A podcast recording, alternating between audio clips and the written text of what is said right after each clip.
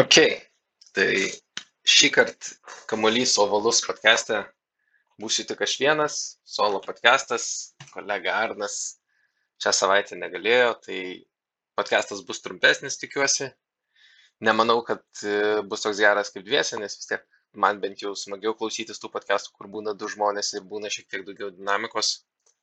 Tai, bet vis tiek, pasistengsiu provaidinti kažkokio turinio, kuris jums būtų įdomus ir galbūt kažkas, nežinau, kas man bus paprasta paaiškinti, galbūt tikiuosi, kad pavyks paaiškinti ir jums.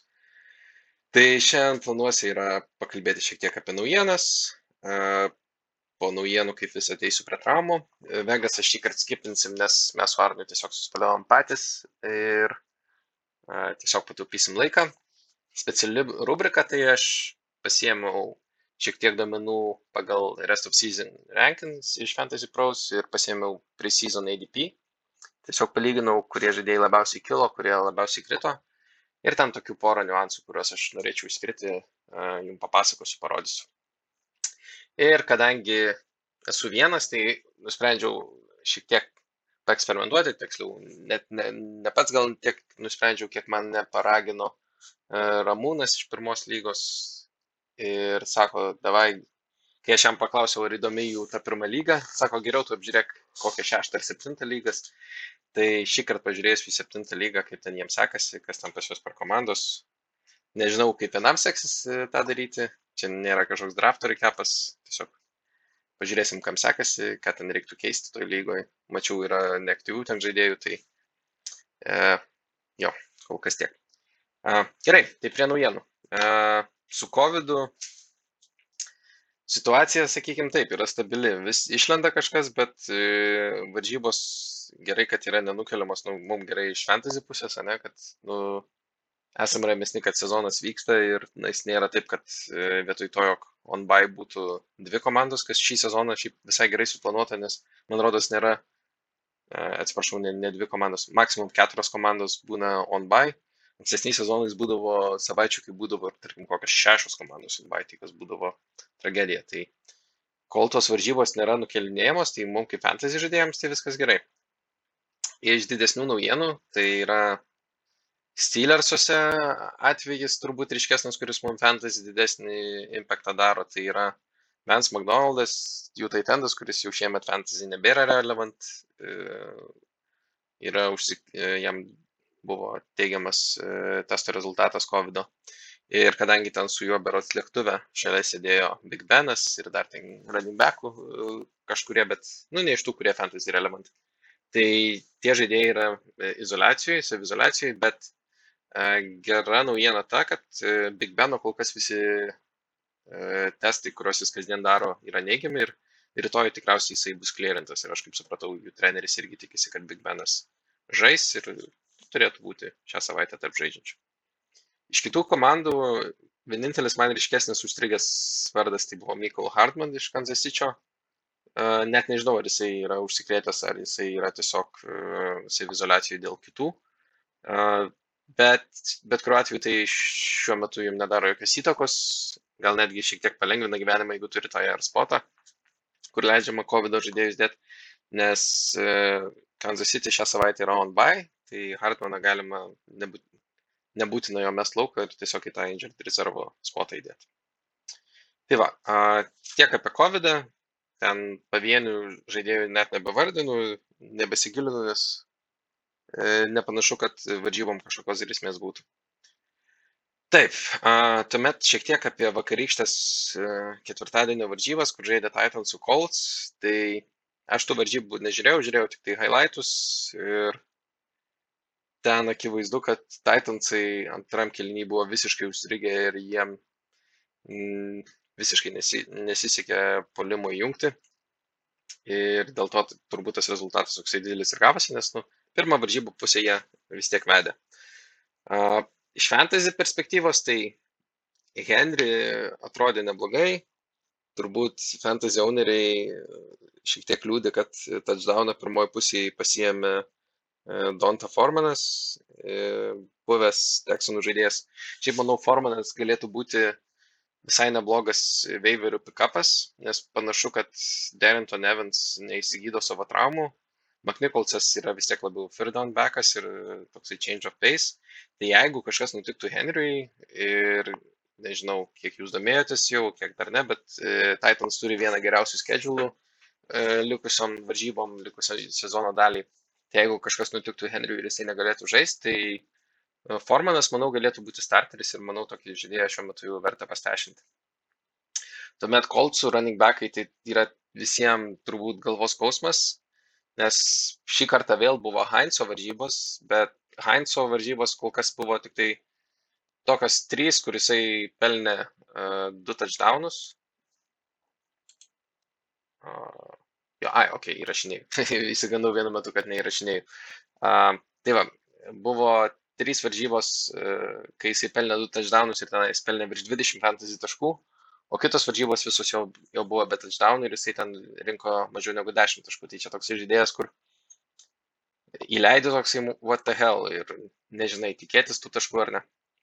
Taip, tada Tayloras yra visiškas liūdėsys, negalima turbūt jo startinti, kol ten kažkas nepasikeis ir nepaaiškės. Aš jį esu padėjęs ant suolo redrafto lygą, kur turiu ir tikriausiai aš jį ten laikysiu. Nu, nežinau, kas turi pasikeisti. Tikriausiai nemesiu, nes siek žaidėjas e, vis dar tikim, kad geras yra. Bet yra palyginimai lenda tokie, kad jisai į David Montgomery, David Montgomery virsta. Ir dar tuo labiau, kad Wilkinsas e, šiek tiek workloado pavagė. Titans receiveriai, e, Corey Davisas atrodė neblogai, taškų gal nedaug, bet vis tiek nesugadino savaitės. Greičiausiai po praeitos savaitės nulio taškų jūs jo net ir nestartinot. Labiau gal skauda AJ Brown owneriams, nes AJ Browną tikriausiai visi, kas turėjo, įstartino. Ir jo savaitė galėjo būti visai nebloga, tiesiog jisai dropino vieną pasą, kur tikriausiai būtų nubėgęs į touchdowną, ten būtų keliasdešimt jardų plus touchdownas ir skaitykim jo savaitę išgelbėtą.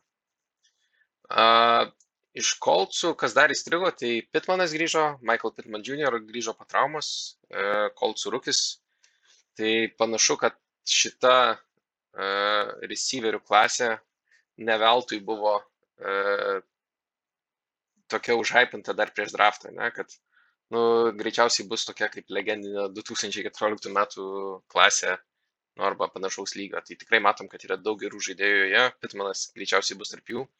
E, surinko virš 100 receiving yardų, dar ir e, nurašino 20 yardų, tai Pitmaną tikrai, manau, galima, jeigu pas jūs veiveriuose mėtosi, tai Pitmaną galima pasimti pas savai komandą, su kitais receiveriais aš kolcų neprasidėčiau. Ir e, quarterbackai, tai nežinau, Tanehilą gali būti, kad kažkas startino, tai varžybos buvo neipatingos. Uh, ir į versą nežinau, ar vieno quarterbacko lygose kažkas labai startino, tai uh, nu irgi rezultatas galų gale turbūt šiaip sau, bet kas įdomiau, tai kolsai, aišku, čia turbūt gal, kad paskutinis kalnys tai leido Brisetui ten dviejų e, jardų, toks, nežinau, net ar kubisnikas čia skaitosi ar ne, prie gaulaino e, taip yra šimtai, bet jo, dar susirinko šešis taškus e, Brisetas. Tai va, tai tiek apie Thursday night. Uh, ar kažką reiktų dropinti iš tų komandų, tai man rodos per daug naujos informacijos neatsirado, gal tiesiog uh, labiausiai tai turbūt liūdi AJ Brown owneriai, nes čia turbūt didžiausias buvo nusivylimas uh, praėjusio vakaro. Tai tiek apie naujienas, uh, pereikim tada prie kitos temos, tai traumų.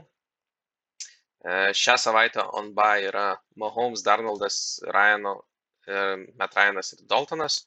Nu, tai praktiškai startinami du quarterbackai iš jų yra, tai Mahomesas ir Ryanas. Tai dėl šitų turbūt skauda kažkiek e, žaidėjim. Uh, iš naujų traumų, tai Kailalinas ten baisiai koja išsisuko. Uh, tai greičiausiai jo sezonas, ne, ne tik šią savaitę jisai yra out ir greičiausiai visam likusiam sezonui. Vietoj jo žais Alex Smithas ir Alex Smithas panašu, kad buvo geras dalykas šitam jų running backui, J.D. Makisikui, jo, jisai susirinko labai daug targetų ir tikrai Makisikas panašu kyla į RB3 arba netgi low end RB2 galimai poziciją rest of season, nes tikėtina, kad nu, Smithas vis tiek jisai mėgsta tos checkdownus ir trumpus pasus running backam, tai manau, kad Makisikas bus su pakankamai saugiom grindim visą likusią sezono dalį ir jeigu pas jūs veiveriuose dar mėtosi, tai jį tikrai reikėtų pasimti. Minčių yra doubtful, bet su minčiu aš matau gal labiau kitą situaciją, kad e, Lutonas tikrai neblogai sužaidė praėjusias varžybas, dabartinės mečapas jų laukia sunkesnis prieš Grindbėjų ir aš nesitikėčiau iš Lutono gero, tokio gero mačo kaip prieš e, Houstoną. E, tiek fantasy, tiek apskritai, nu, iš pradžių paties futbolo prasme, fantasy prasme, tai gal koksai garbage time'as jį gali šiek tiek išgelbėti ir jeigu Aleksanderis e, iš concussion protokolo neišeis, tai gal ir jiems šiek tiek bus su receiveriais paprasčiau, bet uh, aš manau, kad uh, Jaguarsai nori labiau pasižiūrėti, ką turi Lūtonė, nes su minčiu jie daug maž žino, ką jie turi, tai uh, gal bandys ieškoti kažkokio apsaido uh, su tuo quarterbacku. Tuomet tarp questionable yra Staffordas, kuriam yra concussionas, Bakeris yra COVID protokole, bet jau berots aktyvuotas ir turėtų žaisti. Ir apie Big Beną jau kalbėjau, kad jisai lygtais rytoj turėtų būti iš COVID protokolo aktyvuotas ir irgi turėtų žaisti. Tuomet su running backais CMC gavo pėties traumą, atrodė puikiai varžybose, bet šią savaitę tikrai out. Gaskinas vis dar yra injured rezerve, Ekleris atrodė dingęs, bet va jau panašu grįžta, papaustino fantasy manageriam skirtą žinutę su savo video, kaip jisai bėga ir jau ruošiasi grįžti į aikštę, tai jau Eklerio owneriai gali šiek tiek lengviau atsikvėpti. Wilsonas visam 49erių paveikslę, tai man rodos, kad nėra labai jau aktualus fantasy žaidėjas, tai galim nesiplėsti. Tarp Doubtful yra Justin Jackson, tai ten čia pas Chargerius apskritai atrodo liūdnoka running backų situacija, nes ką jie ten beros Kėlan Balažą pasiemė, kuris turbūt panašu, kad ištrūkęs iš uh, Geiso, nu gerai, pernai ne pas Geisą žaidė ir vis tiek atrodė tragiškai Miami, tai čia nėra excusas, tai kalbama, kad Balažas yra toksai kaip ir waiver wire pickupas, bet a, čia nežinau, nebent labai jau reikia kažko startinti. Tai aš jau mieliau turbūt Joshua Kelly rinkčiausi vis tiek startinti arba tą patį Traumain Pope. Uh, tuomet e, tarp Doubtful dar yra David Montgomery, e, jie ten berots Lamar Millerį pasijėmė dabar į rosterį, e, tai gali būti, kad jisai žais, nu, žodžiu, su Bersais irgi nėra gera situacija, tai aš irgi nebūčiau tam baisiai linkęs kažkurio iš jų startinti. Įdomesnis turbūt starteris būtų Duke Johnson, nes Houstone David Johnsonas gavo concussioną, tai gali būti, kad jisai nežais, šiuo metu yra prie doubtful. Tai Duke turėkite omeny, jeigu pas jūs veiverės mėtosi, tikrai pasimkite, nes jį šiaip reiktų turbūt auninti, nes vis tiek pas jį apsaido yra. Ir tuomet uh, Ingramas vis dar turėtų nežaisti, Haidas turėtų nežaisti pas Seahawksus, Dreikas jau kaip ir treniruojasi, bet turbūt vis tiek, man rodos, pakankamai ramiai galim Edmondsą startinti ir Dreiko dar nebaisiai norėsim šią savaitę startinti, net jeigu jisai būtų active. Nu, čia, nežinau. Uh, Dilonas uh, vis dar su COVID pas Packerius, bet apskritai jisai nebuvo G-Fantasy pas mus labai relevant ir nėra aktualu. Ir tuomet Miksonas šiek tiek treniruojasi, bet yra doubtful, tai jeigu Miksonas nežaidžia, Gio automatiškai tampa gerų starterių. Tuomet prie questionable jau Čebas grįžta į, į šitą skiltį ir gali būti, kad jis žais, kas šiek tiek, aišku, apriboja Hanto apsaidą, bet vis tiek Hantas lieka starteriu. Mostartas yra prie questionable. Nežinau, kiek aš ten su 49erių loterija noriu užsimti. Chris Carsonas prie questionable, tai kaip ir gali būti, jau žais. Daryl Henderson nežinau, kiek aš noriu su Ramsu irgi loteriją užsimti. Bryda irgi e, panaši situacija. Kolmanas, e, Williamsas, jeigu žaisti, tai Džamalą, manau, visai galima ir pastartinti prieš Jacksonville. Ir Džemalas iš tikrųjų turėtų žaisti, nes aš kaip supratau, jis tiesiog buvo savizolacijoje dėl COVID.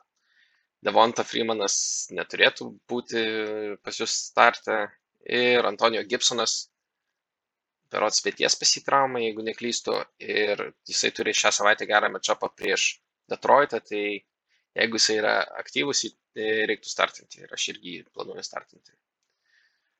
Uh, on by nepaminėjau, tai yra CH, Belas, Gurlis, Zikas ir Pollardas. Jetsų running backų neminėjau, nes ten apie Gorą ir Pirainą kalbėti nemanau, kad verta.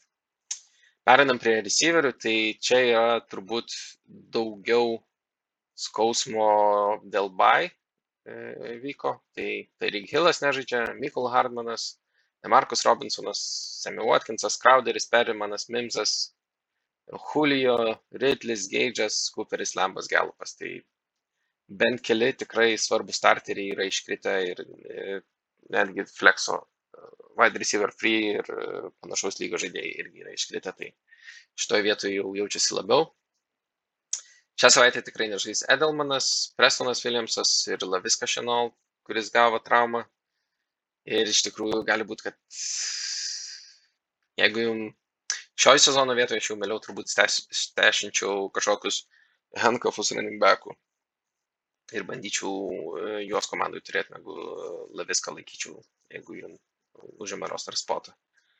Tuomet e, Golodėjus yra tarp doubtful, o tarp questionable yra Dybo, Alshon Jeffries, kurio nežinau.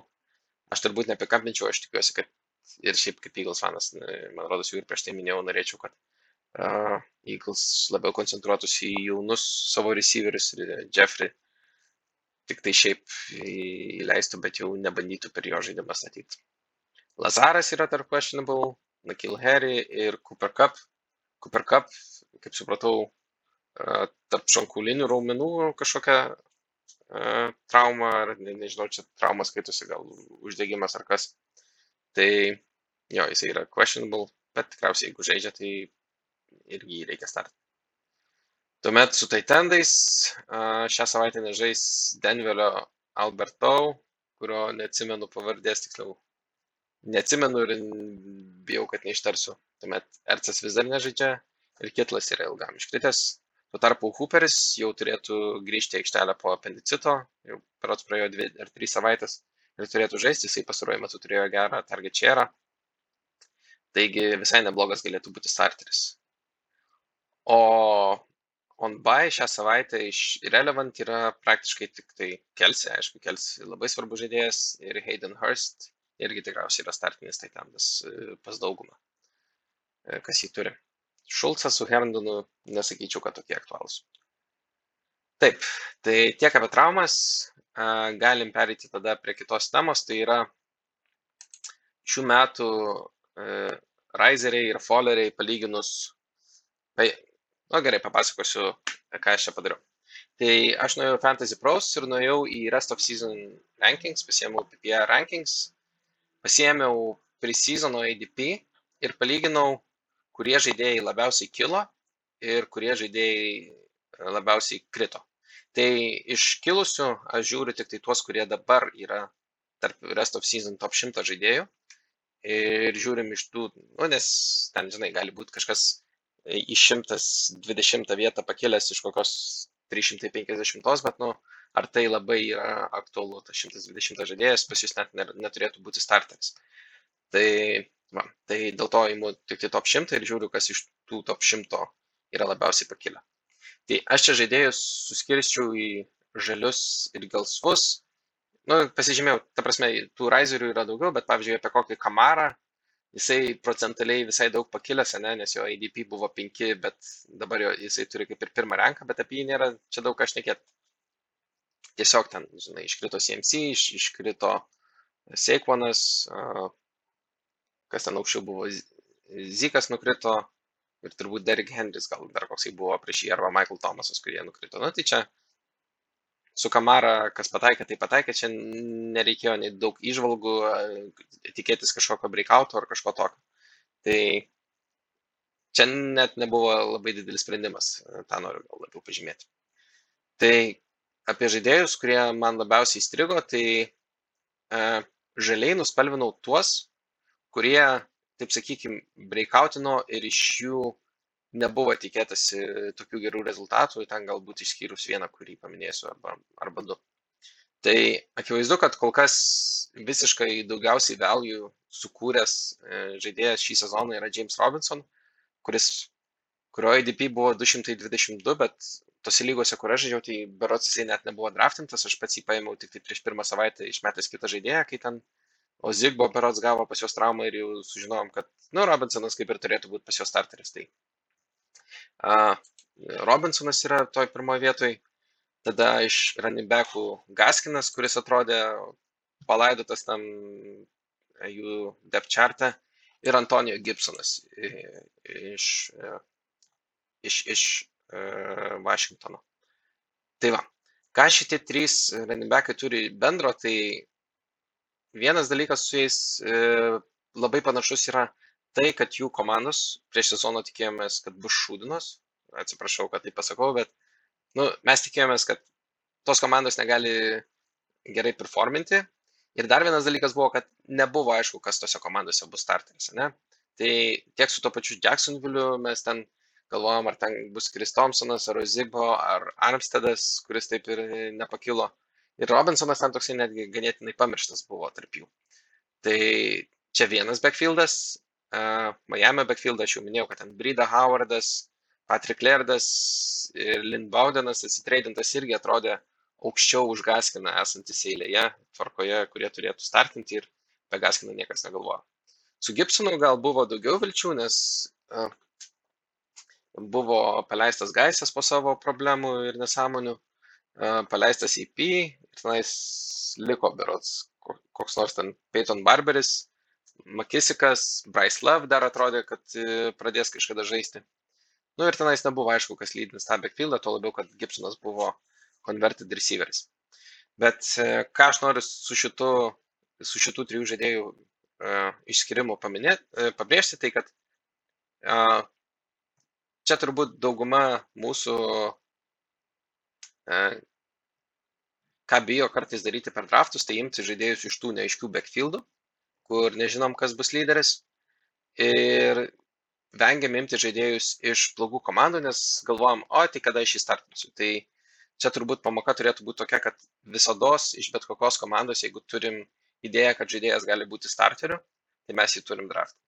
Ir nesvarbu, kad mes galvojam, jo komanda bus gera, bloga, dažnai labai klystam darydami prielaidas, kokios komandos e, gerai performance, kokios blogai ir tiesiog už tokią kainą, kokie, kokie ėjo šitie žaidėjai, tai juos tikrai labai apsimokėjo imti. Tai va, tai čia tiesiog gerai pasiteisino loterijos bilietą. Tuomet iš receiverių aš žaliai nuspalvinau T. Higginsą, kuris dabar jau yra vertinamas kaip rest of season wide receiver 22, tai low end wide receiver 2. Ir Daugiau žaliai aš ir nespalvinau, bet ten va, panašioje kategorijoje yra Chase Claypoolas, kuris wide receiver 30 būtų rest of season, rest of season ir Fulhamas, kuris wide receiver 36 būtų. Tai čia irgi tokie žaidėjai, iš kurių niekas šiaip iš tikrųjų šį sezoną nieko nesitikėjo ir, ir su jais pamoka, net nežinau, ar kažkokia labai didelė yra. Su tokiais žaidėjais, receiveriais bent jau aš ką daryčiau, tai ir ką reiktų daryti. Aš dažnai pramiegu su receiveriais, aš e, į receiverių performance reaguoju daug lėčiau negu į, e, į tarkim, running backų, nes tenais e, didesnė variacija dažnai volume būna, ypač su rukiais, ne, nes čia turim du rukius ir vieną antrametį žaidėją. Tai su jais turbūt ką reiktų daryti, tai nebijoti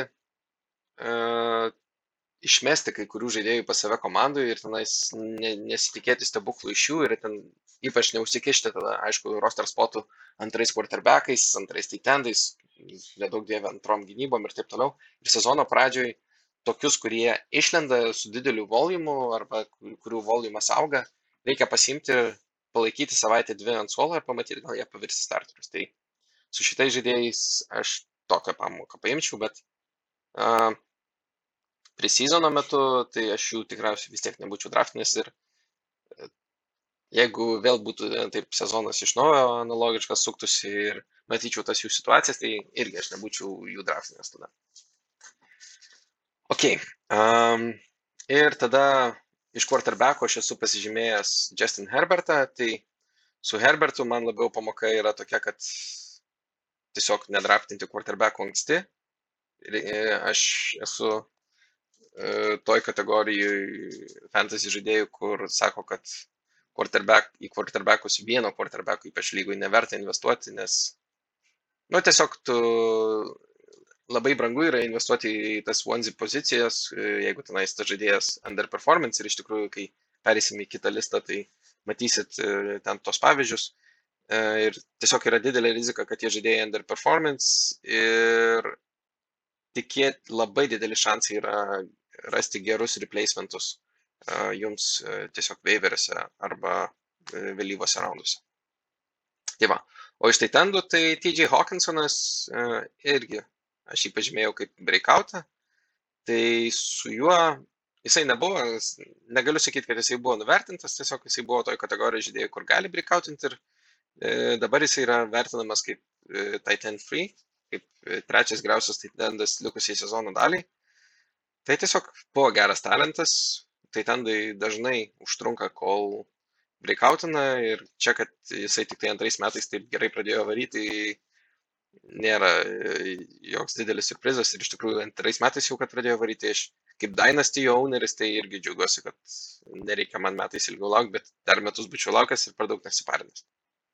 Tai va, tiek su breakoutais, o tada kita kategorija žaidėjų, kuriuos noriu išskirti, tai yra tokie, kuriuos mes turbūt nurašėm arba nesitikėjom tokių gerų rezultatų. Tai pirmiausia, gal pradėsiu nuo receiverių, tai pas mane antras sąraše yra DK Metcalf, tuomet eina Keenan Allen ir Stefan Diggs. Tai su Metcalfu e, nuogastavimai buvo vėl, kad Seattle bus run heavy komanda, e, neleis e, Wilsonui mėtyt ir nebus pakankamai daug volumo toj komandai, o Metcalfas vis tiek toksai bus labiau bumba žaidėjas, kur vieną savaitę gerai, vieną savaitę blogai, o kaip matom, jo rezultatai pakankamai stabilus. Tuomet Keenan Allen mes visi bijojom mm, irgi iš tikrųjų, gal labiau bijojom netgi Tyro Tayloro, e, kad jisai bus starteris ir tiesiog nemėtis Keenanui tiek e, kamuolių ir jam trūks volumo ir, ir dėl to Keenanas nebebus jau wide receiver one. Tai ir kaip matom, jisai dabar yra toksai mid-level wide receiver one ir tikrai gražino gerai e, value tiem, kas jį pasiryžo draftinti, nes tose lygose, kur aš draftinau, tai jį pakankamai drąsiai draftino ir aš skeptiškai žiūrėjau, bet va, Alenas irgi buvo nurašytas dėl to, kad bijom e, dėl volumo. Lygiai taip pat su Diksu, su Diksu dar buvo nuogastavimai, kad a, kelias į naują komandą, pirmas sezonas dažnai receiveriam pakeitus komandą būna sunkus. Ta komanda irgi atrodė tokia, kur labiau he, run heavy approachą paims ir Alenas tiek nepasuos, bet kaip matom, Dixas irgi yra dabar vertinamas kaip wide receiver 10 rest of season ir gerai outperformino savo ADP. Tai irgi tiesiog čia gal pamoka yra, kad gerus žaidėjus e, reikia nebijo draftinti. Nes va, čia būtent tokie yra žaidėjai, kur tikrai geri žaidėjai ir mažiau reikia jais dvėjoti ir e, kartais neišsigasti ten tų neigiamų ženklų ir, na nu, nežinau, ar aš būčiau juos taip drąsiai draftinęs, aš Metcalfą visai draftinau šiemet redraftę. Aleną toj pačiai situacijai gal ir draftinčiau, bet va su Diksu tai uh, nu nežinau iš tikrųjų čia gal mano tas argumentas sakyt kad gerų žaidėjų nereikia bijo draftint bet va matom kaip straglina baksų žaidėjai aišku tenais traumos nepadeda bet va pavyzdžiui tas pats Mike Evansas kuris daugiau mažiau žaidžia kiekvienas varžybas turi problemų nors irgi yra geras žaidėjas ir nu čia taip su šitais receiveriais gal neturiu tokios pamokos tiesiog turėkit omeny kad irgi būna situacijų kad mūsų prielaidos tos prieš sezoną, kad tarkim bus mažas volumas ar kažkas tokio, irgi dažnai būna klaidingos ir kartais nereikia jų per daug bijoti ir jau kai atsiranda tokia kaina, kad uh, žaidėjas yra stipriai nukritęs nuo, tarkim, praėjusio sezono jo ADP, tai juos reikia paimti. Jo, Ir tuomet dar pas mane pažymėti, čia yra trys running backai, tai vienas yra Aaron Jones, kitas yra Kareem Hunt ir Chase, trečias yra Chase Edmonds. Tai Aaron Jones skiriasi tuo, kad a, visi bijojo, kad AJ Dillonas a, turbūt gaus daug goal worko ir Aaron Jones'o apskritai workloadas bus sumažėjęs, bet taip nenutiko ir kol kas jisai performina tikrai gerai. Jisai rest of season yra vertinamas kaip running back 3. Tai jo, jisai iš tikrųjų savo ADP gerai outperformino, nes buvo antro rato gale, o šiuo metu jisai būtų kaip ir ketvirtas nuo bordo įmamas žaidėjas. Tuomet uh, uh, Hunto ir Chase Edmondso situacijos panašesnės, tai su Huntu apskritai, net jeigu Čiabas ir nebūtų gavęs traumas, aš manau, kad jisai vis tiek būtų pakankamai pas mus uh, ramus starteris su savo receiving floru, kur jisai gauna pakankamai targetų kiekvienas varžybas, kad galėtų būti starteriu. Ir plus visą turėjo, netgi su Čiabu žaidžiant, jisai pakankamai skorinavo touchdowną, nes jisai tiesiog yra gal šiek tiek universalesnis. Ir, va, tai su Hantu irgi nežinau kokia pamoka. Su Hantu tiesiog čia buvo, kad gerai nuskaityta tie, kas jį padraftino, tai turbūt tiesiog gerai nuskaitė situaciją ir dar pasisekė su Čiabo trauma ir kad buvo gauta papildomo apsaido. Su Chase Edmondsu tai reikėjo irgi jį gal aš jį iš dalies pridėčiau prie tų žalių running backų, kur buvo Robinsonas, Gibsonas ir Gaskinas, bet jį labiau pridėčiau iš tos pusės, kad dėl Dreiko buvo abejonių, kad jisai gali būt, kad net laikys to workloado ir kad bus su juo panašiai, kaip buvo Miami ir dėl to apsimokėjo investuoti į Edmondsą. Ir kaip matėm jau nuo pat sezono pradžios, iš tikrųjų tas jų workloadas buvo ganėtinai panašus. Tiesiog dar galų gale nutiko taip, kad ir Dreikas gavo traumą, tai Edmondsas gavo galimybę kaip ir pasimti dar didesnę dalį darbo, dalį workloado šitam backfield'e. Ir dėl to Edmondsas kyla. Sorry, jeigu girdit sirenas, aš kadangi gyvenu šalia gaisrinės, antakalniai, kur yra milijonas e, ligoninių, tai gali būti dėl to. Tai va, tai Edmondsas labiau gal irgi priskirčiau prie to, kad buvo šitam backfield'e neiškumų ir dėl to jį apsimokėjo draftinti. Tai va, perinam prie fallers arba tų, kurie palyginus su ADP krito. Tai aš žiūrėjau šituo atveju, atsifiltravau ADP irgi top 100, tos žaidėjus, kurie buvo, 100 žaidėjų, kurie buvo draftinti aukščiausiai. Čia tik tai iš karto pasakau, kad tarp jų yra išmesti tie žaidėjai, kurie e, gavo traumas. Tai pavyzdžiui, kokio Odelio čia nėra šitam sąraše, arba Seikvano šitam sąraše nėra, nes, nu, jie elementariausiai, jiems su jais tiesiog nepasisekė, nes tie žaidėjai gavo traumas ir dėl to jie negali būti vertinami kaip kažkokie bastardės. Nu, tiesiog shit happens. Tai va, tai čia atsifiltravau tuos, kurie buvo draftinti aukščiausiai ir dabar yra saliginai nukritę žemiausiai. Tai pagal mano formulės, tai priekyje yra kitlas su Ekleriu, bet aš jų irgi negaliu vertinti kaip bastų, nes, nu, tiesiog ten buvo bloga traumų, uh, blogai sekėsi su traumom. Tuomet uh, aš žaliai nuspalvinau kelis žaidėjus, tai Zykas, uh, pirmas iš jų, tai mm, turbūt gal viskas būtų buvę gerai, jeigu Amari būtų sveikas, bet kai dėl Amari sugriuvo tai polimas, tai Zyko vertė visiškai prapuolė ir dabar jisai kaip low end RB1 rest of season vertinamas, bet aš iš tikrųjų jaučiuosi dar šiek tiek prašiau dėl jo situacijos, tai net nežinau, kaip jausis, plus pats Zykas, nu, kaip ir Arnas mėgsta minėti, atrodo šiek tiek prašiau negu anksčiau. Ir ten, tarkim, tas pats Polardas atrodo, kad įneša kartais daugiau gyvybės į tą komandą. Tuomet Ercas, e, aišku, pas jį buvo trauma, bet jau ir prieš traumą buvo blogi ženklai ir tenais kalba, kad Ercas yra washed. Kiek tas tiesa, nežinau, aš mėgstu jį biški pateisinti, kad tenais gynybos jį labiau koncentruodavosi, bet pernai irgi gynybos jį koncentravosi ir jisai vis tiek atrodė geriau. Tai Ercas panašu praranda to, praradęs jau yra to elitinio Titendo statusą ir jau manau kitą metą mes, kad ir kur jisai bežaistų, mes jo nebe, nebedraftinsim net kaip midrange Titendo. Nu, galbūt midrange Titendo gale, bet a, tiek.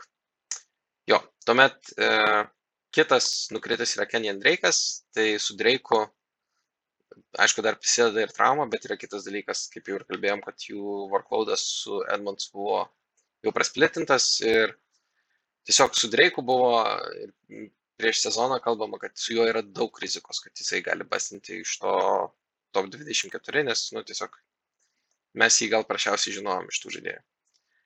Ir toliau sąrašė T.Y. Hiltonas, Julian Edelmanas, e, tai apie juos galim pasakyti iš esmės tą patį, kad tiesiog panašu, kad jie paseno ir, ir nebegali performinti taip, kaip anksčiau performindavo. Tai tiek.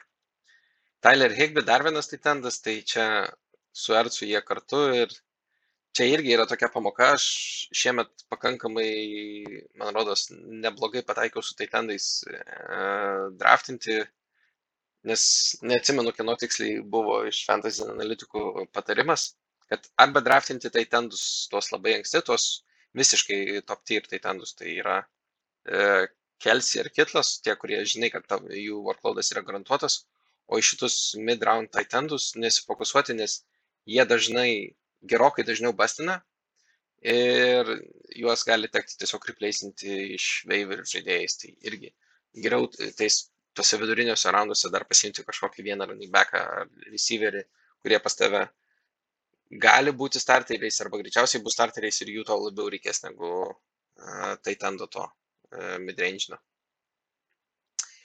Ir tuomet uh, dar reikia paminėti DJ Moore, tai su DJ Moore turbūt uh,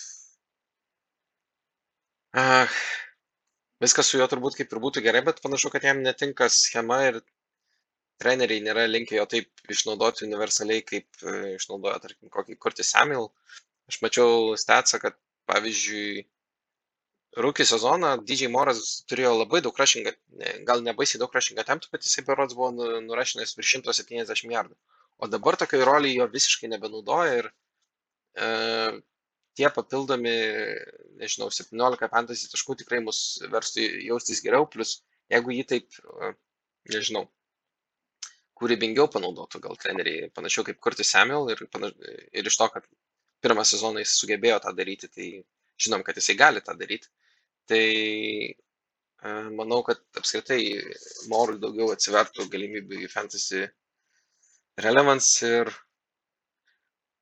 kurioje čia vietoj prasileidom, tai aš nežinau, gal buvo tai, kad atėjo naujas coaching staffas, visi buvom užsihypinę ant moro po pernai ir kad jau šiemet treti receiverio metai ir, ir jau breakoutins, bet Jo. Nu, net, net nežinau, kokia pamoka su moru galėtų būti, gal kartais. Gal kartais nepasiduoti dideliam rūkiai, nerūkiai, bet tokio trečiamečio receiverio hype, bet nežinau. Net nesakyčiau, kad didelė klaida moro buvo draftinti, nes vis tiek a, reikia su kažkuo rizikuoti ir bandyti pataikyti tą, žinai, lyderį, kuris tavo komandą temps. Ir dar nepaminėtas Jordan Howardas, tai tiesiog jau tenais tas žaidėjas kaip fantasy nu, ir kaip NFL žaidėjas panašu jau, kad nebebus labai relevant kada nors, nes nu, labai ryškiai sulėtėjęs netgi nuo pernai lyginant. Ir tuomet kitas spalva aš nuspalvinau Lamarą ir 49erius, tai čia yra tie žaidėjai, kurie draftinami į tas vadinamas Monzi pozicijas.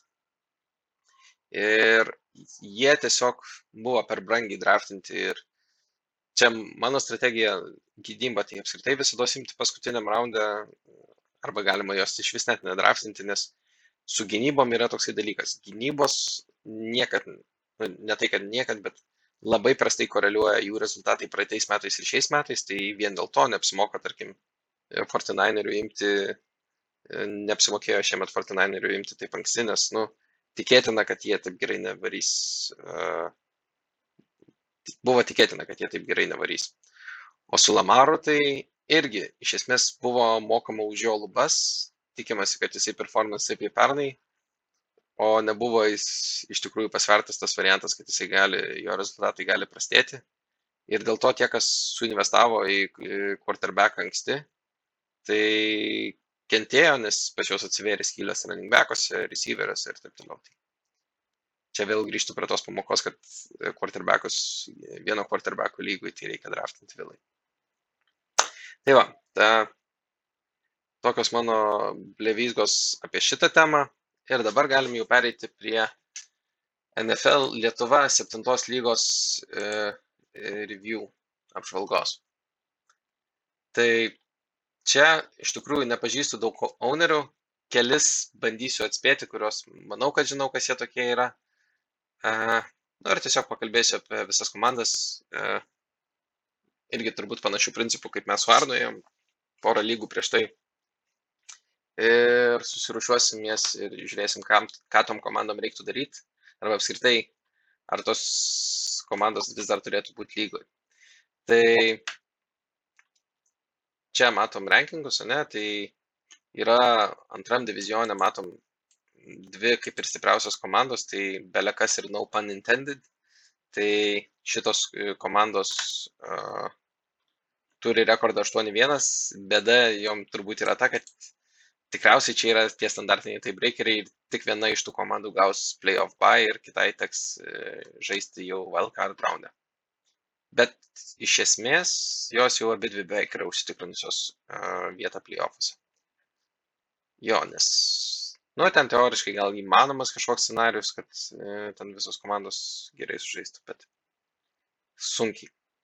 Tuomet e, trečiam divizione imberiniai princai pirmauja, bet imberiniai princai aš jau buvau šiek tiek atsidaręs breakdowną, pavyzdžiui. Imberiniai princai yra devintoje vietoje pagal breakdowną, tai kas reiškia, kad jiems labai gerai sekasi su schedule, arba jeigu netgi pažiūrim pagal tos pačius points for, tai jie irgi yra aštuntoje vietoje pagal points for. Nu, tai tiesiog šitai komandai gerai sekasi su schedulu, pažiūrėsim, kas ten pas juos yra daugiau, bet uh, jo. Gerai, tai gal pasidarau overall view ir pradedu nuo L1C4 komandos. Čia yra berots užsienietis, uh, owneris, jo vardas Lowell, jeigu teisingai ištariu. Čia akivaizdžiai yra nevaldoma komanda, ir nežinau, kas yra tos lygos komisaras, bet šitai komandai reiktų priskirti co-ownerį arba tas pats komisaras turėtų tiesiog paimti ir sudėlioti šitos komandos sudėti. Mes matom ant suolo palikti tie patys AJ Brown. Nu ir ta prasme, šią savaitę yra Gurlis paliktas su Horstu. Pažiūrim, kas praeitą savaitę pas jį buvo, jeigu pažiūrim į Nine. Ai, nu gal ir buvo sudėtas sudėtis. Pažiūrim, aštuntą savaitę aštuntą savaitę va Michael Thomasas, kuris nežaidė, buvo ta septintą savaitę. Irgi yra nulių sudėtyje, ne, Devant Parkeris ir taip toliau. Nu, tai akivaizdžiai yra nemenedžinama komanda ir nu, tiesiog tokios komandos tiesiog gadina lygą, tai jeigu manęs klausys komisaras, tai gali, kad ir man priskirti teisę šitai komandai, aš bent jau sudėliosiu sudėti, kad, nu, tiesiog dabar, kadangi artėja playoffai, tai kiekvienai komandai ten bus svarbios pergalės ir neturėtų kažkas ten gauti nemokamų pergalių vien dėl to, kad kažkas apleido lygą ir apskritai šitą žaidėją, nu, aš tai mešiau už savo lygos ir jau kitais metais jam neleišiu grįžti, nes e, čia yra blogiausias dalykas iš tikrųjų, ką fantasy owneris gali padaryti. Ten turbūt su kokiu collusionu yra arti. Ok, tai tiek apie šitą komandą. Uh, E, nėra ten apie ją daug kalbėti, nors, nu gerai, pažiūrėsiu greitai, ar čia įmanoma pas juos sudėlioti sudėti, kuri galėtų konkuruoti. Čia Lamaras, e, running backai Gurlis su Singletariu, šiaip savo, receiveriai Michael Thomas, Devante Parkeris ir A.J. Brownas, kas visai neblogai. Tai Tendas Hurstas, Latsas ir Steelers. Tai, nu, ta prasme, nebūtų bloga komanda, čia gal trūktų running backo kokio geresnio, bet e, nu, ap, ap, apsileidėliai ir nėra verti pergalių, taip sakykime. Taip, tuomet antra nuo galo komanda su rekordu 2-7, turbūt teoriškai gal dar turi vilčių patekti playoffus, bet ne, manau, kad net, nu gerai, gal teoriškai ir įmanoma, bet praktiškai tai jau nebe, nebeišeis jam patekti playoffus. Tai Canadian Bacon, e, owneris Krisas, turbūt dar vienas užsienietis. Pas jį sudėtis šiaip visai faina. Ne, pažiūrim. Quarterbackas Wilsonas, uh, yra Miksonas su e, Bernardu, James Robinsonas, Miles Sandersas su Boston Scottu, tai receiveriai Godvinas, Ridlis, Boydas. Wow. Iš tikrųjų gera komanda ir uh, ten, kad tai tendas ir Gaskinas dar netgi yra rezerve. Tai panašu, kad šitai komandai gali būti, kad labai nesisekė. Pažiūrėkim, kaip atrodo Canadian Bacon. Jo, breakdownas. Trečia geriausia komanda pagal breakdowną. Čia žiauriai nepasisekė. Va, aš dėl ko mėgstu savo lygose turėti ir antra pagal points for. Jo, tai Krisui, nežinau, tu lietuviškai e, turbūt neklausysi podcast'o, bet žiauriai užjaučiu, tau žiauriai nesisekė uh, su schedule, nes tavo tikrai labai gera komanda. Ir pažiūrim, jeigu atsidarom schedule Canadian Bacon, kur čia. L14 Canadian Bacon. Tai va, pralošė dviem taškais pirmą savaitę, antrą savaitę laimėjo, okay, tada pralošė rinkdamas 100 kem 4 15 taškų, nu, su 115 galima pralošti, su 93 irgi galima pralošti, 112. Nu irgi taip, bet tada 107 vėl reikėjo rinkti, kad laimėt. Nu, čia ant 12 pralošta, ant 7 taškų.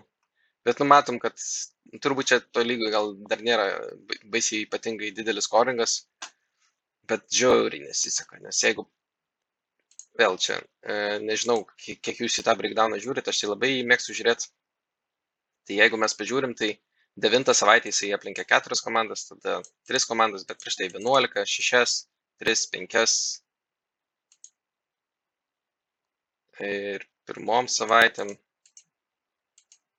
buvo aplenktos 6, 11, 8, 5, 3. Nu, gal ir neturėtų būti toks stebuklingai geras tas jo rezultatas, bet, nu, tikrai geresnis negu 2-7. Nu, čia labai nepasisekė, bet matom, kad Uneris su galva akivaizdžiai gerai draftina, moka pasiimti ir iš veiverių žaidėjus, nes Robinsonas ir Gaskinas tikriausiai buvo iš veiverių imti, tai tiesiog nepasisekė ir šita komanda tai iš tikrųjų dar atiminės taškus iš, iš tų, su kuriais jam liko žaisti. Tai va. Ok, tuomet žiūrim overall. Kelnatai. Kas čia per komanda, kas čia per pavadinimas? Owneris yra Davidas. Ok, tai Davido komandai yra gerai, tik vienas quarterbackas, vienas kikeris ir e, viena gynyba, tai čia jau nėra blogai. Tada pažiūriu rekordą, Kelnatai 4-5. A, nu tai dar šansai į playoffus įeiti yra. Viskas tvarkoja, čia dar niekas nepralošta, visus division games laimėjus. Pala pažiūrim, kuriam divizione yra Kelnatai. Jo, šitam divizione pirmauja komandos su 5-4, tai laisvai netgi divizioną dar galima laimėti ir teoriškai netgi playoff uh, gauti baivyką. Gerai, tai quarterbackas Breidis, na, čia viskas ok. Jo, man rodos, ir schedulas neblogas nusimato likusių varžybų, tai ir geri receiveriai pasikomandai, tai jisai tikrai turės ką mėtyti. Tuomet running backai Makisikas, ką, ir, ką aš ir kalbėjau, kad rest of season neblogas Karsonas, viskas gerai, jeigu sveikas, jeigu nesveikas, tai Dalasas ant suolo. Mosas kaip e, trečias running backas yra neblogai, nes panašu, kad Mosas gerai įsibėgėjo, ne? Nu, bent jau 10 taškų renka, tai su tokiais rezultatais galima žaisti. Va, pahitinti tie du nuvertinti receiveriai prieš sezoną. Kynanas su Diksu, apie kuriuos kalbėjau prieš tai. Kapas turbūt ne, ne, ne taip stabiliai šiemet performina, bet vis tiek bendro rezultatų turbūt netiek gadina. Ir ant suolo, ant suolo aš norėčiau ketvirto receiverio geresnio. Bet kai tie tokie trys ramus ir iš tikrųjų čia kai tik tai vienas fleksas pas juos yra, tai viskas su tuo gerai. Ir jo, Brydai yra dar ant suolo Eikersas, kurie galbūt išaus. Grehamą laikyti ant suolo, aš tai nematau prasmės, iš tikrųjų geriau bandyti pataikyti dabar, nežinau, receiverį dar pasigauti kažkokį dėl viso pikto, nes va, gali būti, kad kapas netyčia nežais. Arba running back, nes, nu, kas yra Grahamas, tai žinoma, yra tokių kaip Grahamas, vis tiek bus e, tai ten visą laiką available waiveriuose. Ok, perinam tuomet, nu, aš sakau, šita komanda nebloga, gal man norėtųsi running backų dviejų stipresnių, bet gali jie kapotis ir į playoffus eiti. E, visai neblogai. Grįžtam tada prie devintos pagal reitingą komandos. E, tai devinta pagal reitingą komanda yra Nightmare Creatures. Košmarų kažkokie creature, creature. Padarai, jo. Gerai, tai e, košmarų padarai, turi Brysą, kuris berots turi geriausią rest of season schedule e, iš quarterbackų. Met Ryan on by. Kadangi čia yra vieno quarterbacko lyga, tai vieną išmes lauk. Čia nėra tie quarterbackai, kuriuos, kuriuo tu nerastum ko pakeisti, nes nu, nėra ten su, tarkim, geru rushing floru, kad e, tau būtų labai stabilus performeriai. Tai neverta laikyti jų dviejų, irgi geriau pasieškok kažkokio flexo verto žaidėjo. Tuomet running backai Kukas, labai gerai, Edmondsas gerai, Edmondsas su Drake, irgi gerai, Mostertas galbūt grįž, bet pas šis perots yra rezervo spotas, tai aš tau siūlau į rezervą įsimesti Mostertą. Uh, jeigu aš neklystu. Nes lygtis pas kažką mačiau, kad į rezervą yra įdėtas žaidėjas. Uh, tai va, tai jeigu Mozartas. Čia visai neblogas running back koras ir iš tikrųjų su tokiu galima žaisti, va dar David Johnsonas yra į fleksą įmestas, tai uh, turbūt ne kažką yra su receiveriais, nes čia, atsiprašau, Kylan Kaulas su Kleipulu kol kas ir nes Golodėjus traumuotas, tai Jo, Vordas prieš Giantsus, gal Vordą netgi čia būtų galima startinti, jeigu ką. Iš tikrųjų, jo, tikriausiai teks to mesti Vordą vietoj David Johnsono, jeigu jisai nežaidžia. Tai receiverio norėtųsi geresnio. Šiaip gali sau leisti, manau, iš, ištreidinti vieną running backą ant, ant geresnio, ant geresnio receiverio. Aš tai mėgstu turėti vieną stabilesnį receiverį, aišku, tu turi Goldėjų, kuris turėtų grįžti, bet... Bet jo, šiaip irgi nebloga komanda čia. Su 4-5 koks, koks tavo divizionas, pažiūrim. Šitas divizionas, kur pirmąją komandą su 6-3, nu tai tau diviziono laimėti bus sunkiau, bet gali tiesiog susirinkti geresnį rekordą, ne? Ir tenais su 7-6, manau, bus pas jūs tikrai patenkančios komandos į playoffus, tai 7-6 pasiekti tikrai yra realu. Nors aišku, va, matau jau šią savaitę pradėta, prasidėjo mečapas ir varžovas pastartino Heinzą. Bet ten toksai pasyvus varžovas, kur kelsi kol kas yra palikęs su Chiefsais e, starteriai. Tai jeigu tas Summer Breeze yra neaktyvus ir nesusijims, tai gali būti, kad pavyks ištraukti pergalę net ir prasileidus tiek nuo Heinzo. Pas tave, o, su kikeriu pataikėte. Nu, valio meskit kikerius iš savo lygos kikeriai yra blogis ir netapsit geresniais žaidėjais fantasy žaisdami su kikeriais. Niekad.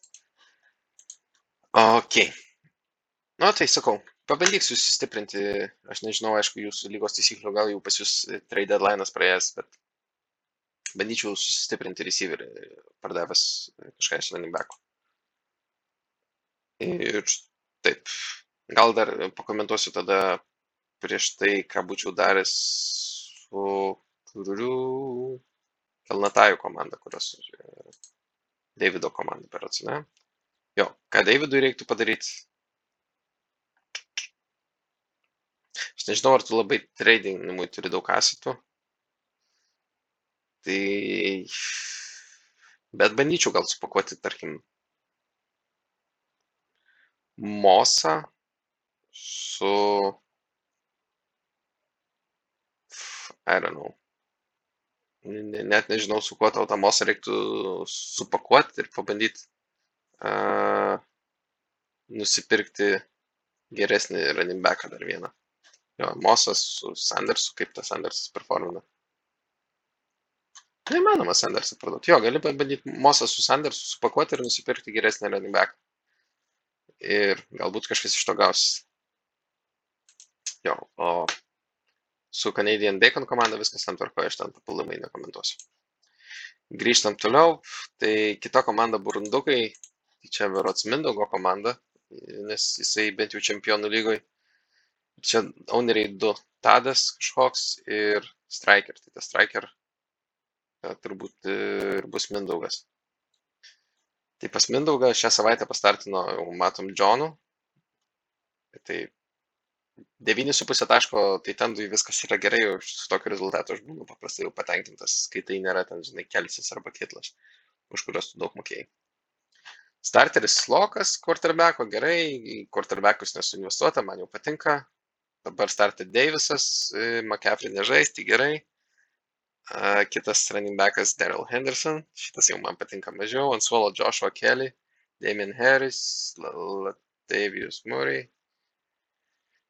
Čiabas yra ant injured rezervo, pažiūrim, ką čia apie Čiabą rašo. Nu, nieko konkretaus dar, kad jį aktyvuos, Ekleris turėtų grįžti. Tai jo, čia šiaip komanda su running backu potencialu, kai šitie du grįž tikrai neblogų. Deivisas, nu ten kalba, kad McCaffrey turėtų grįžti, bet yra nuogastavimų, kad McCaffrey gali ir negrįžti. Deivisas gali būti rest of season visai vertingas žaidėjas. Tai su šito viskas tvarkoja. Tada su receiveriais. Su receiveriais pataikyta praščiau.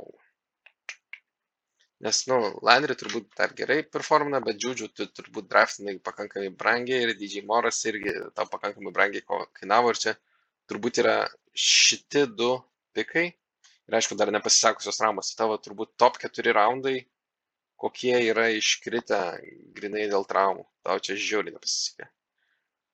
Jo, tai, ne, tik, tiksliau, šitie du iškrito dėl traumų, šitie du iškrito, nes tiesiog blogai performina šiemet. Tai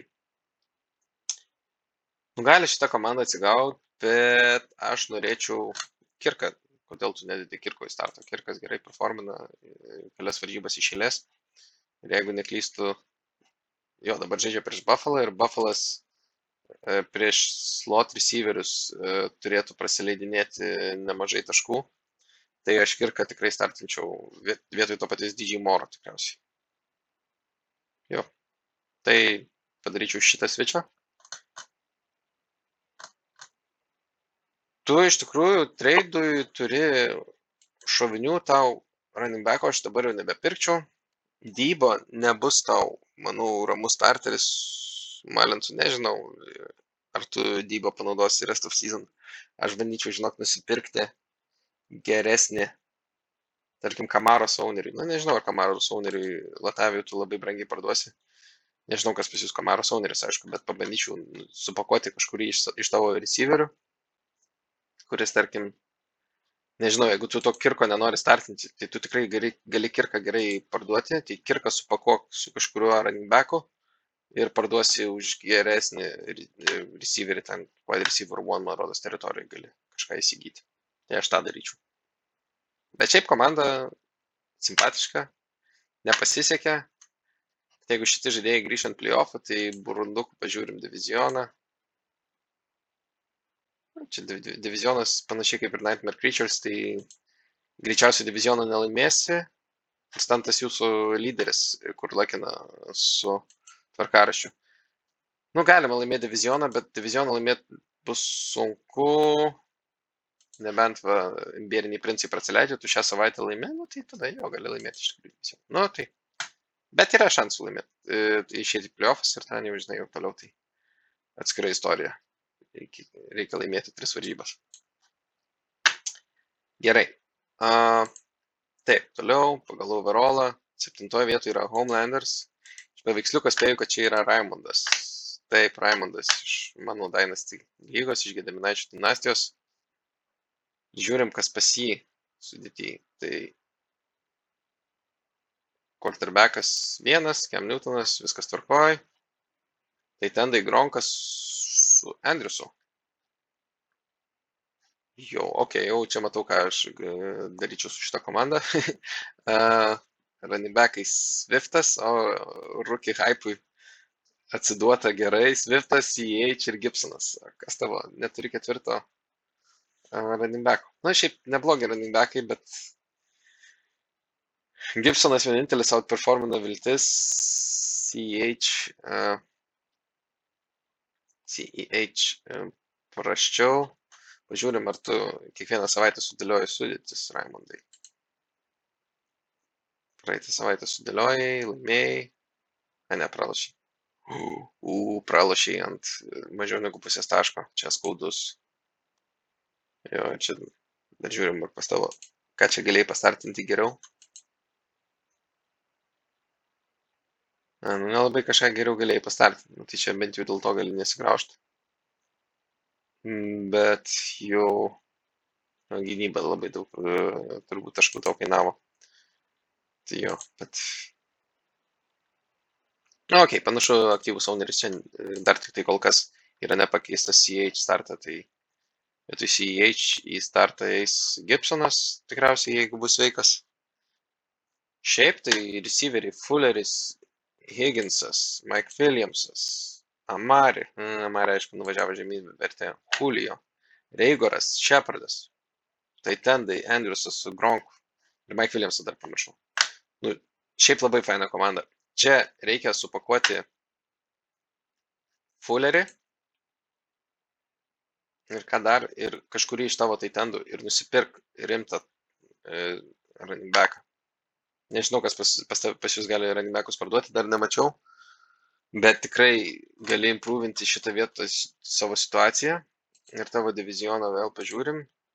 Tavo divizionas labai lengvai laimimas. Tai Raimondai tikrai gali pasimti divizioną, jeigu nusipirki geresnį e, running backą, tą patį, nežinau, gal Swiftą, gali į, į tą mainą įkišti ir ten nusipirk. Ne, nežinau, ką tiksliai dabar e, pavyks, bet bandyk pirkti running backą ir tada galėsi būti kontenderiu, nes šiaip komanda labai faina. Gerai. Taip, tada Homelanderiai ir šešta komanda Summer Breeze. Very funny. Owneris Rokas. Pažiūrim, kas pas Roką. Kol kas startą. Ai, čia ta komanda, kur aš sakiau, kad yra palikta žaidėjų on buy. Žiūrim, ar aktyvus owneris. Nebuvo praeitą savaitę tokių kliurkų.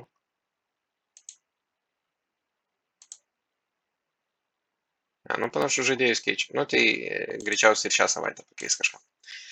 Gerai, tai pažiūrim, kas pas jį.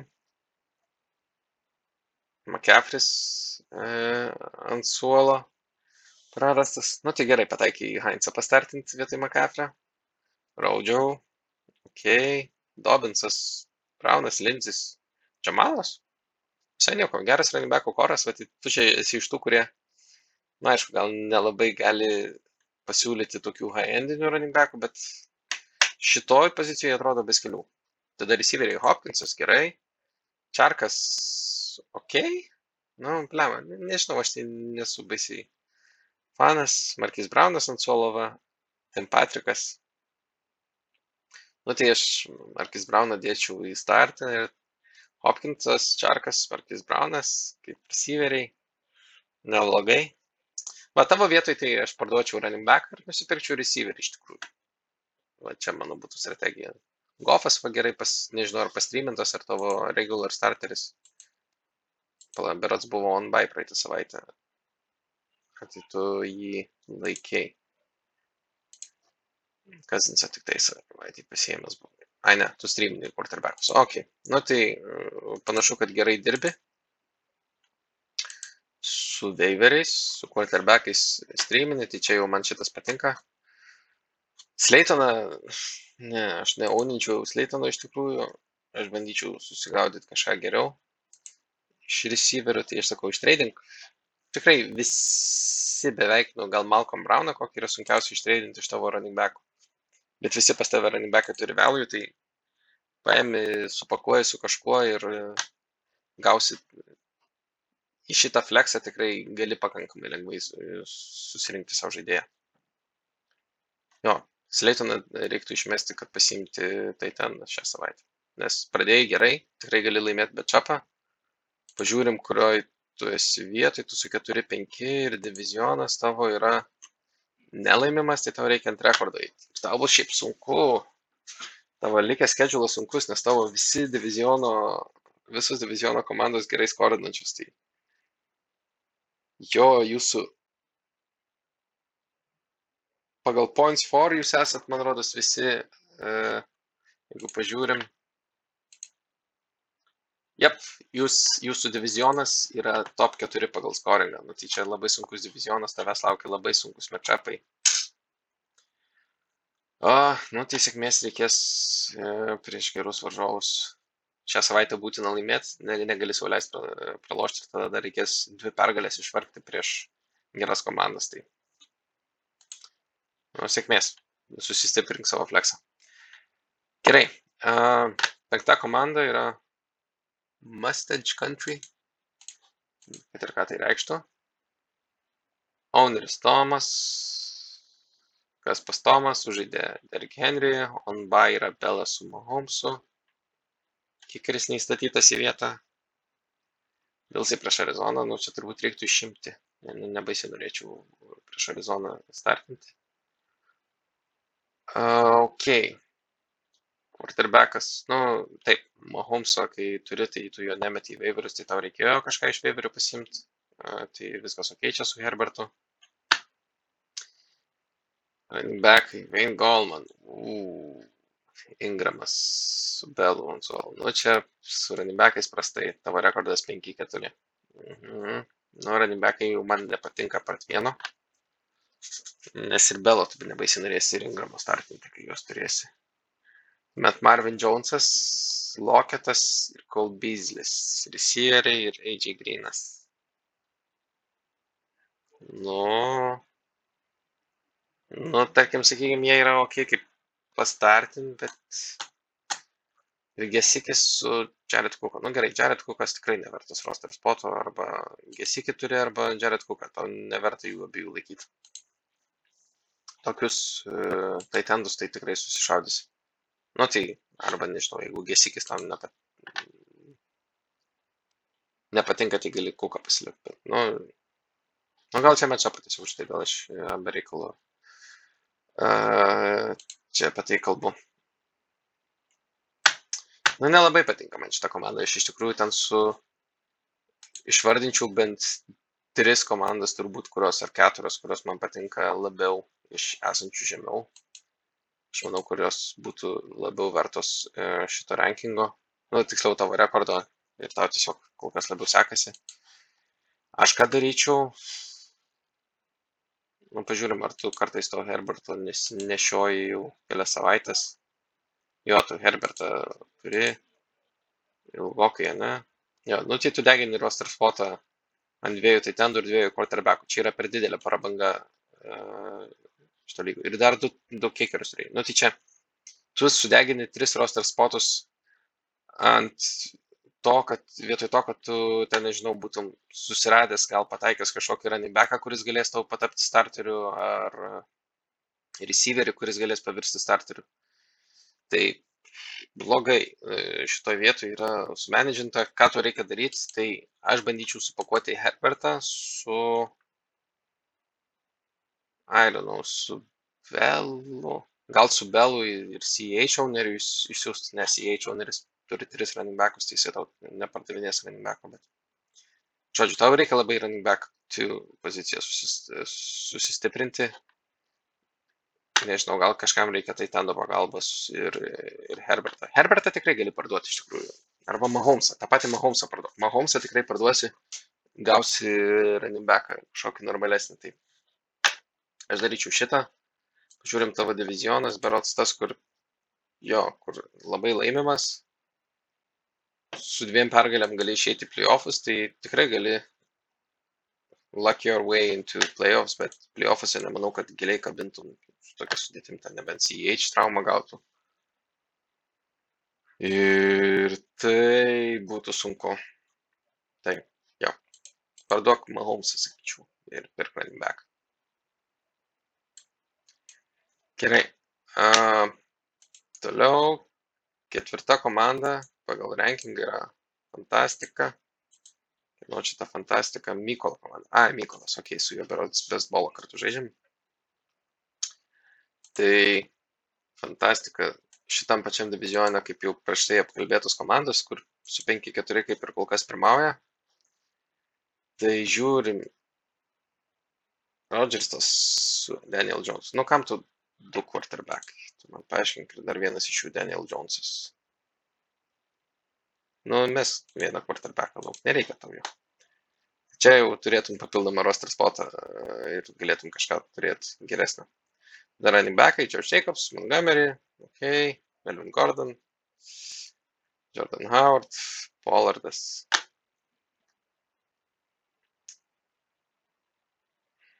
Nu, taip, nežinau. Nebaisiai simpatiška, norėtųsi kažko stipresnio arba du vietą, kad uh, kad, kad, kad e, ramiau jaustis einant į playoffus, nes šiaip komanda tai nebloga, nes po to pažiūrė į receiverius, tai tai Rykas, McLaurinas, Mike Evansas, Lazaras dar ten ant suolo ir T.V. Hiltonas, kuris, nu, nežinau, aš tai T.V. Hiltoną dropinčiau, bet uh, jo.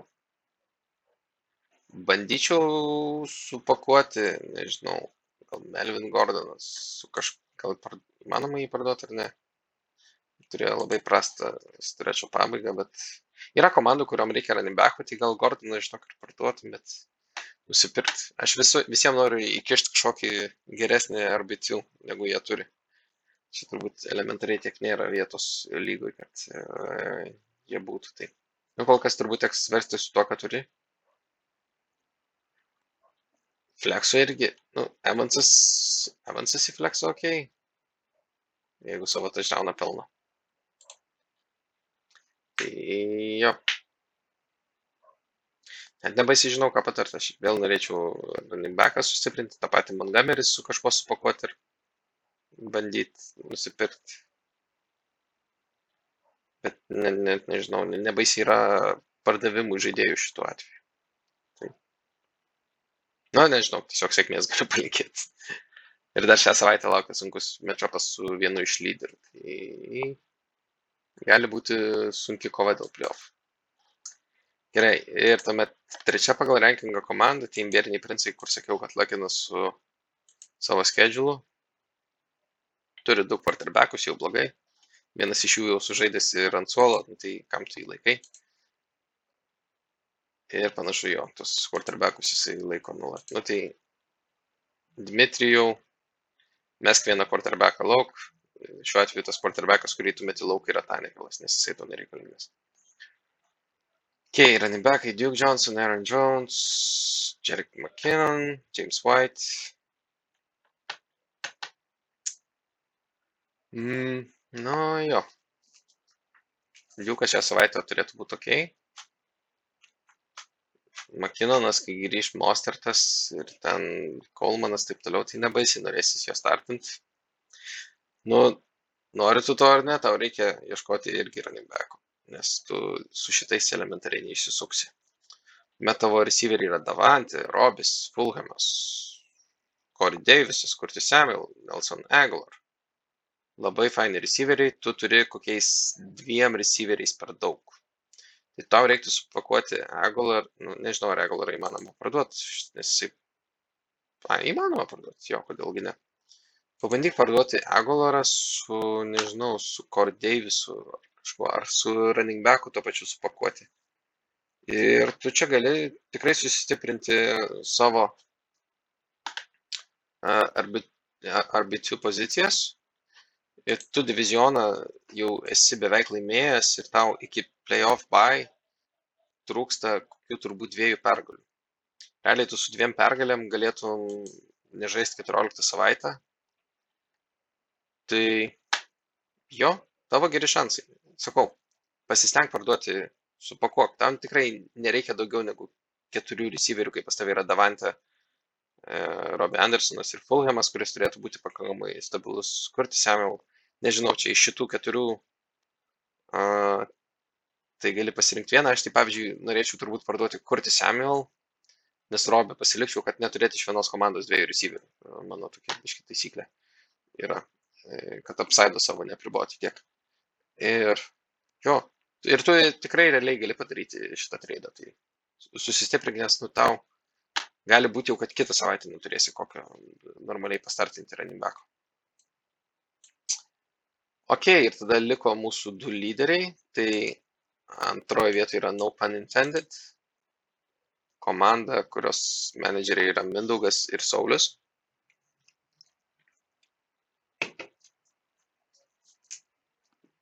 Įdomu, kurie čia Mindaugai ir kurie Sauliai.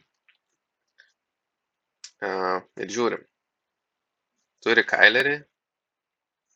O, Jėzau. Nu gerai, jau čia aš pyksiu.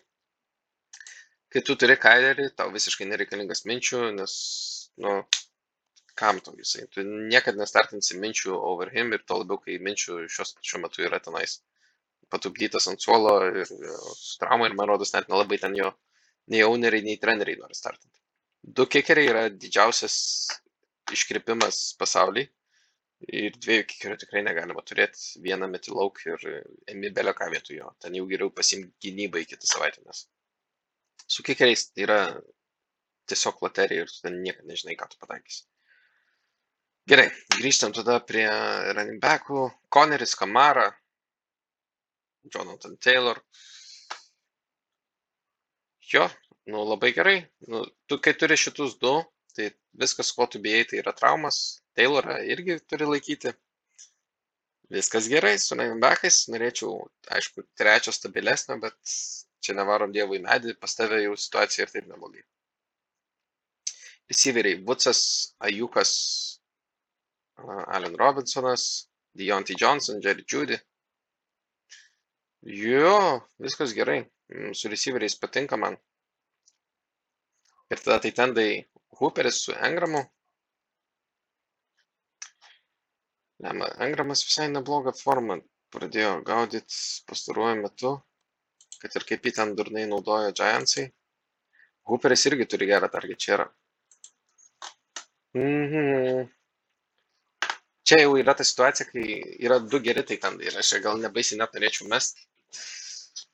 Bet tau, žinok, yra geriau, nu, tikrai išmeti minčių ir kikerį ir tu tenais pasiemi belio kokius du handcuffus Radinbergų ir jau tu turi daug daugiau vertės savo komandai.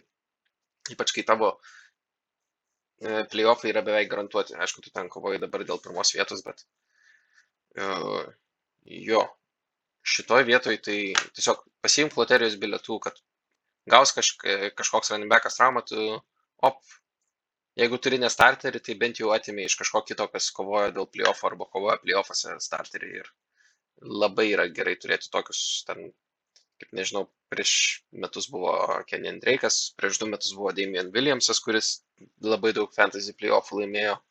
Uh, kas ten dar, Derrick Henry buvo iššovęs prieš du metus berots aš čempionų lygą, taip laimėjau, kai pikapinau Henry ir jisai ten sprogo sezono gale. Visokių tokių, va, ten tie patys žemalai Williamsai irgi būna, kad sezono galiai iššauna ir tiesiog pasiimti tokių žaidėjų, kur pagalvo, kad jeigu iškrenta starteris ir jeigu tas starteris iškrenta, tai tu ten, žinai, turi garantuotą workloadą ir gali būti tau lyg vineris. Tai va. Su receiveriais viskas pas tave tvarkoja, nereikia stiprinti. Net sakyčiau, čia tokie penki receiveriai, kadangi Ajukas toksai neaiškus, man ten nepatinka, žinai, quarterbacko situacija. Devintas savaitė, čia nulis taškų buvo. A, jisai nežaidė, teisingai. Tai su Ajuku ten, man atrodo, biški daugiau loterijos, bet Diontė, jeigu sveikas, tai jį tu startini su, su Vutsu ir Robinsonu ir nesuki galvos. Tai šiaip šita geriausia komanda, kurią mačiau kol kas ir nestebina rekordas 8-1. Gerai, tai bravo Mindaugui ir Sauliui. Visur kreipiausi tu, nežinau, gal jūs kaunat, bet tada abiem yra e, priekaištai už e, du quarterbackus ir du kikerius. Ok, ir tuomet paskutinė komanda, kuri yra pirmoje vietoje, tai yra Belekas belekas yra Gaudriaus, tai Gaudrius turbūt yra kaip komisaras, ne- nežinau, kiek jisai prisideda ir e, Kestutis, nežinau, kuris Kestutis, tai žiūrim, kas čia per komandą. Na, iš to, kad Ki- Kikeris ir gynyba San Francisco, tai spėjau, kad Gaudrius kažkiek prisideda prie komandos. Jokauju. Tai, okei, du quarterback. Nu gerai, Gaudrius, kiek atsimenu, yra vieno quarterbacko mėgėjas, tai nelabai tikiu, jog čia. Ai, gal čia dėl to. Ne, bet jeigu tu turi Josh Alleną, kam tau Big Benas? Nu, nereikia tau Big Beno, nes Josh Allenas turi pakankamai stabilų rushing florą, blogiausias varžybos, va 12 taškų. Nu gerai, čia buvo prastesnis trečias. Bet ne, nu, jeigu tu turi Josh Alleną, tau nereikia Big Beno turėti. Tu irgi, va, kaip prieš tai kalbėjau kolegai, kad geriau pasiimk uh, handcuffų running backų ir, ir galbūt turėsi playoffam starterį. Tai va, toliau Huntas su Fornetu, running backai ir, ai, dar Zekė yra. Nu, čia prastesnė e, situacija negu pas kolegą, apie kurį kalbėjom prieš tai, nes pas Huntą grįžta Čiabas. Fornetas, neaišku, nu, kol neutral game script būna, tai Raudžio būna daugiau aikštė negu Fornetas. Tai jeigu bus geros varžybos tampai, tai Fornetas bus nieko gero, greičiausiai. Zykas, žinom, kas per situaciją, nu tai greičiausiai tu Zykas artins vietoj Forneto, kai jisai šiais. Nu, bet tai čia nėra blogai. Iš tikrųjų, jūsų lygos kažkaip kontekste, tai man šitai vis tiek vienas padoresnių ranibekų koro. Tada receiveriai Filenas, Metcalfas, Brandon Cooks, Lambas, Raksas, Watkinsas, rezervė Ercas ir Hawkinsonas. Nu, ok. Man kolegos sudėtis, pala kaip ta komanda vadinasi, no pun intended, man jų labiau patiko, bet čia irgi yra du labai rimti wide receiver, nu, ta prasme, wide receiver one teritorijos žaidėjai, Kuksas irgi geroj formai, tai jo, viskas su receiveriais, tai ten gerai, norisi, aišku, running back kažkokio geresnio, gal Zekę pavyktų parduoti už name value kažkam geriau ir, ir susiveikti geresnį running backą, bet aš jau, sakau, pusiai lygos išrašiau receptą nusipirkti geresnį running backą ir, ir va. Tai, tai tiek. Nežinau, bandyk tą running backą susiveikti. Iš tikrųjų, running backus susiveikia tie, kas, e, kas, kas aktyviausiai ne tik running backus. Treiduose geriausiai sekasi tiem, kas tiesiog daug stengiasi, nepernelyg bolindami ir taip toliau, bet kadangi playoffai beveik garantuoti, tai aišku, tavo svarbiausias matchupas pažiūrim, kada šit, šitos dvi komandos tarpusavyje žaidžia schedule ir įsijungiam by team.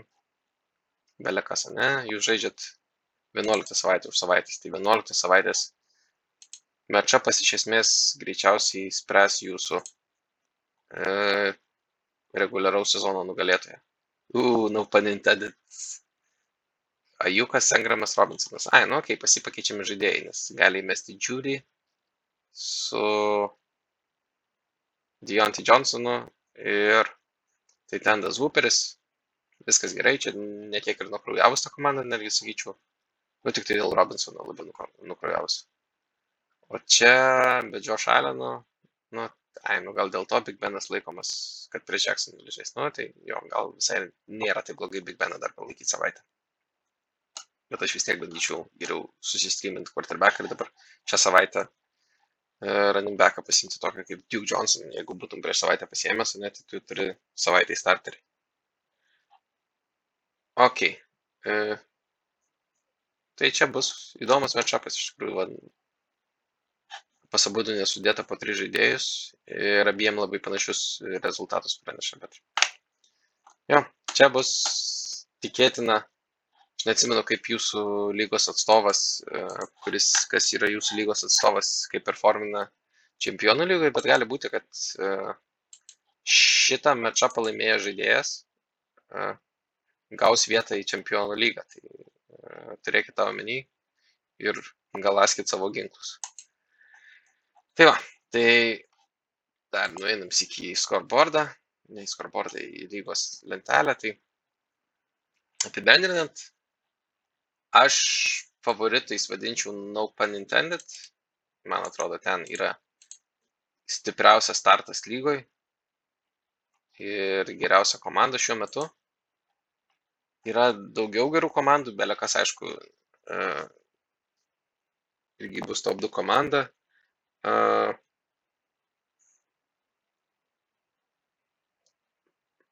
nežinau net iš tikrųjų, ką pridurti e, apie tai, ką jau pakalbėjau. Sakau, komisarui prašymas suveikti co-ownerį šitai komandai. Sakau, gali, galiu ir aš pabūti, jeigu reikia, jeigu nėra savanorių. Aš bent jau sudėliosiu uh, startinę sudėtį ir paimsiu iš veiverių ten kažką, kad nebūtų lavonų komanda ir tenais lengvos pergalės, kaip tarkim Canadian Bacon, nu gerai. Šitiem tada Nightmare Creatures nusimato lengvas matchupas visokiem burdukam. Pagalvoju, aš turiu žiūrėti, su kuo žaidžia imberiniai princai. Tada turiu burundukai. Ai, nu žodžiu. Tai tiesiog komisarui nautas paskirko ownerį ir tuomet, nežinau, sėkmės, bandykit impruvit savo komandas, bandykit patekti į playoffus ir galbūt labai norėčiau susitikti tais metais čempionų lygoje, jeigu ir man pasiseks, ir kažkam iš jūsų atspardyti užpakalį. Tikiuosi, kad labai neprailgo mano podcastas, vis tiek gavosi pakankamai ilgas pusantros valandos, bet tikėkime, kitą savaitę jau su Arnu padarysim įdomiau, kai dviese ir dinamiškiau viskas vyksta. Tai ką, gero savaitgalio ir gero futbolo.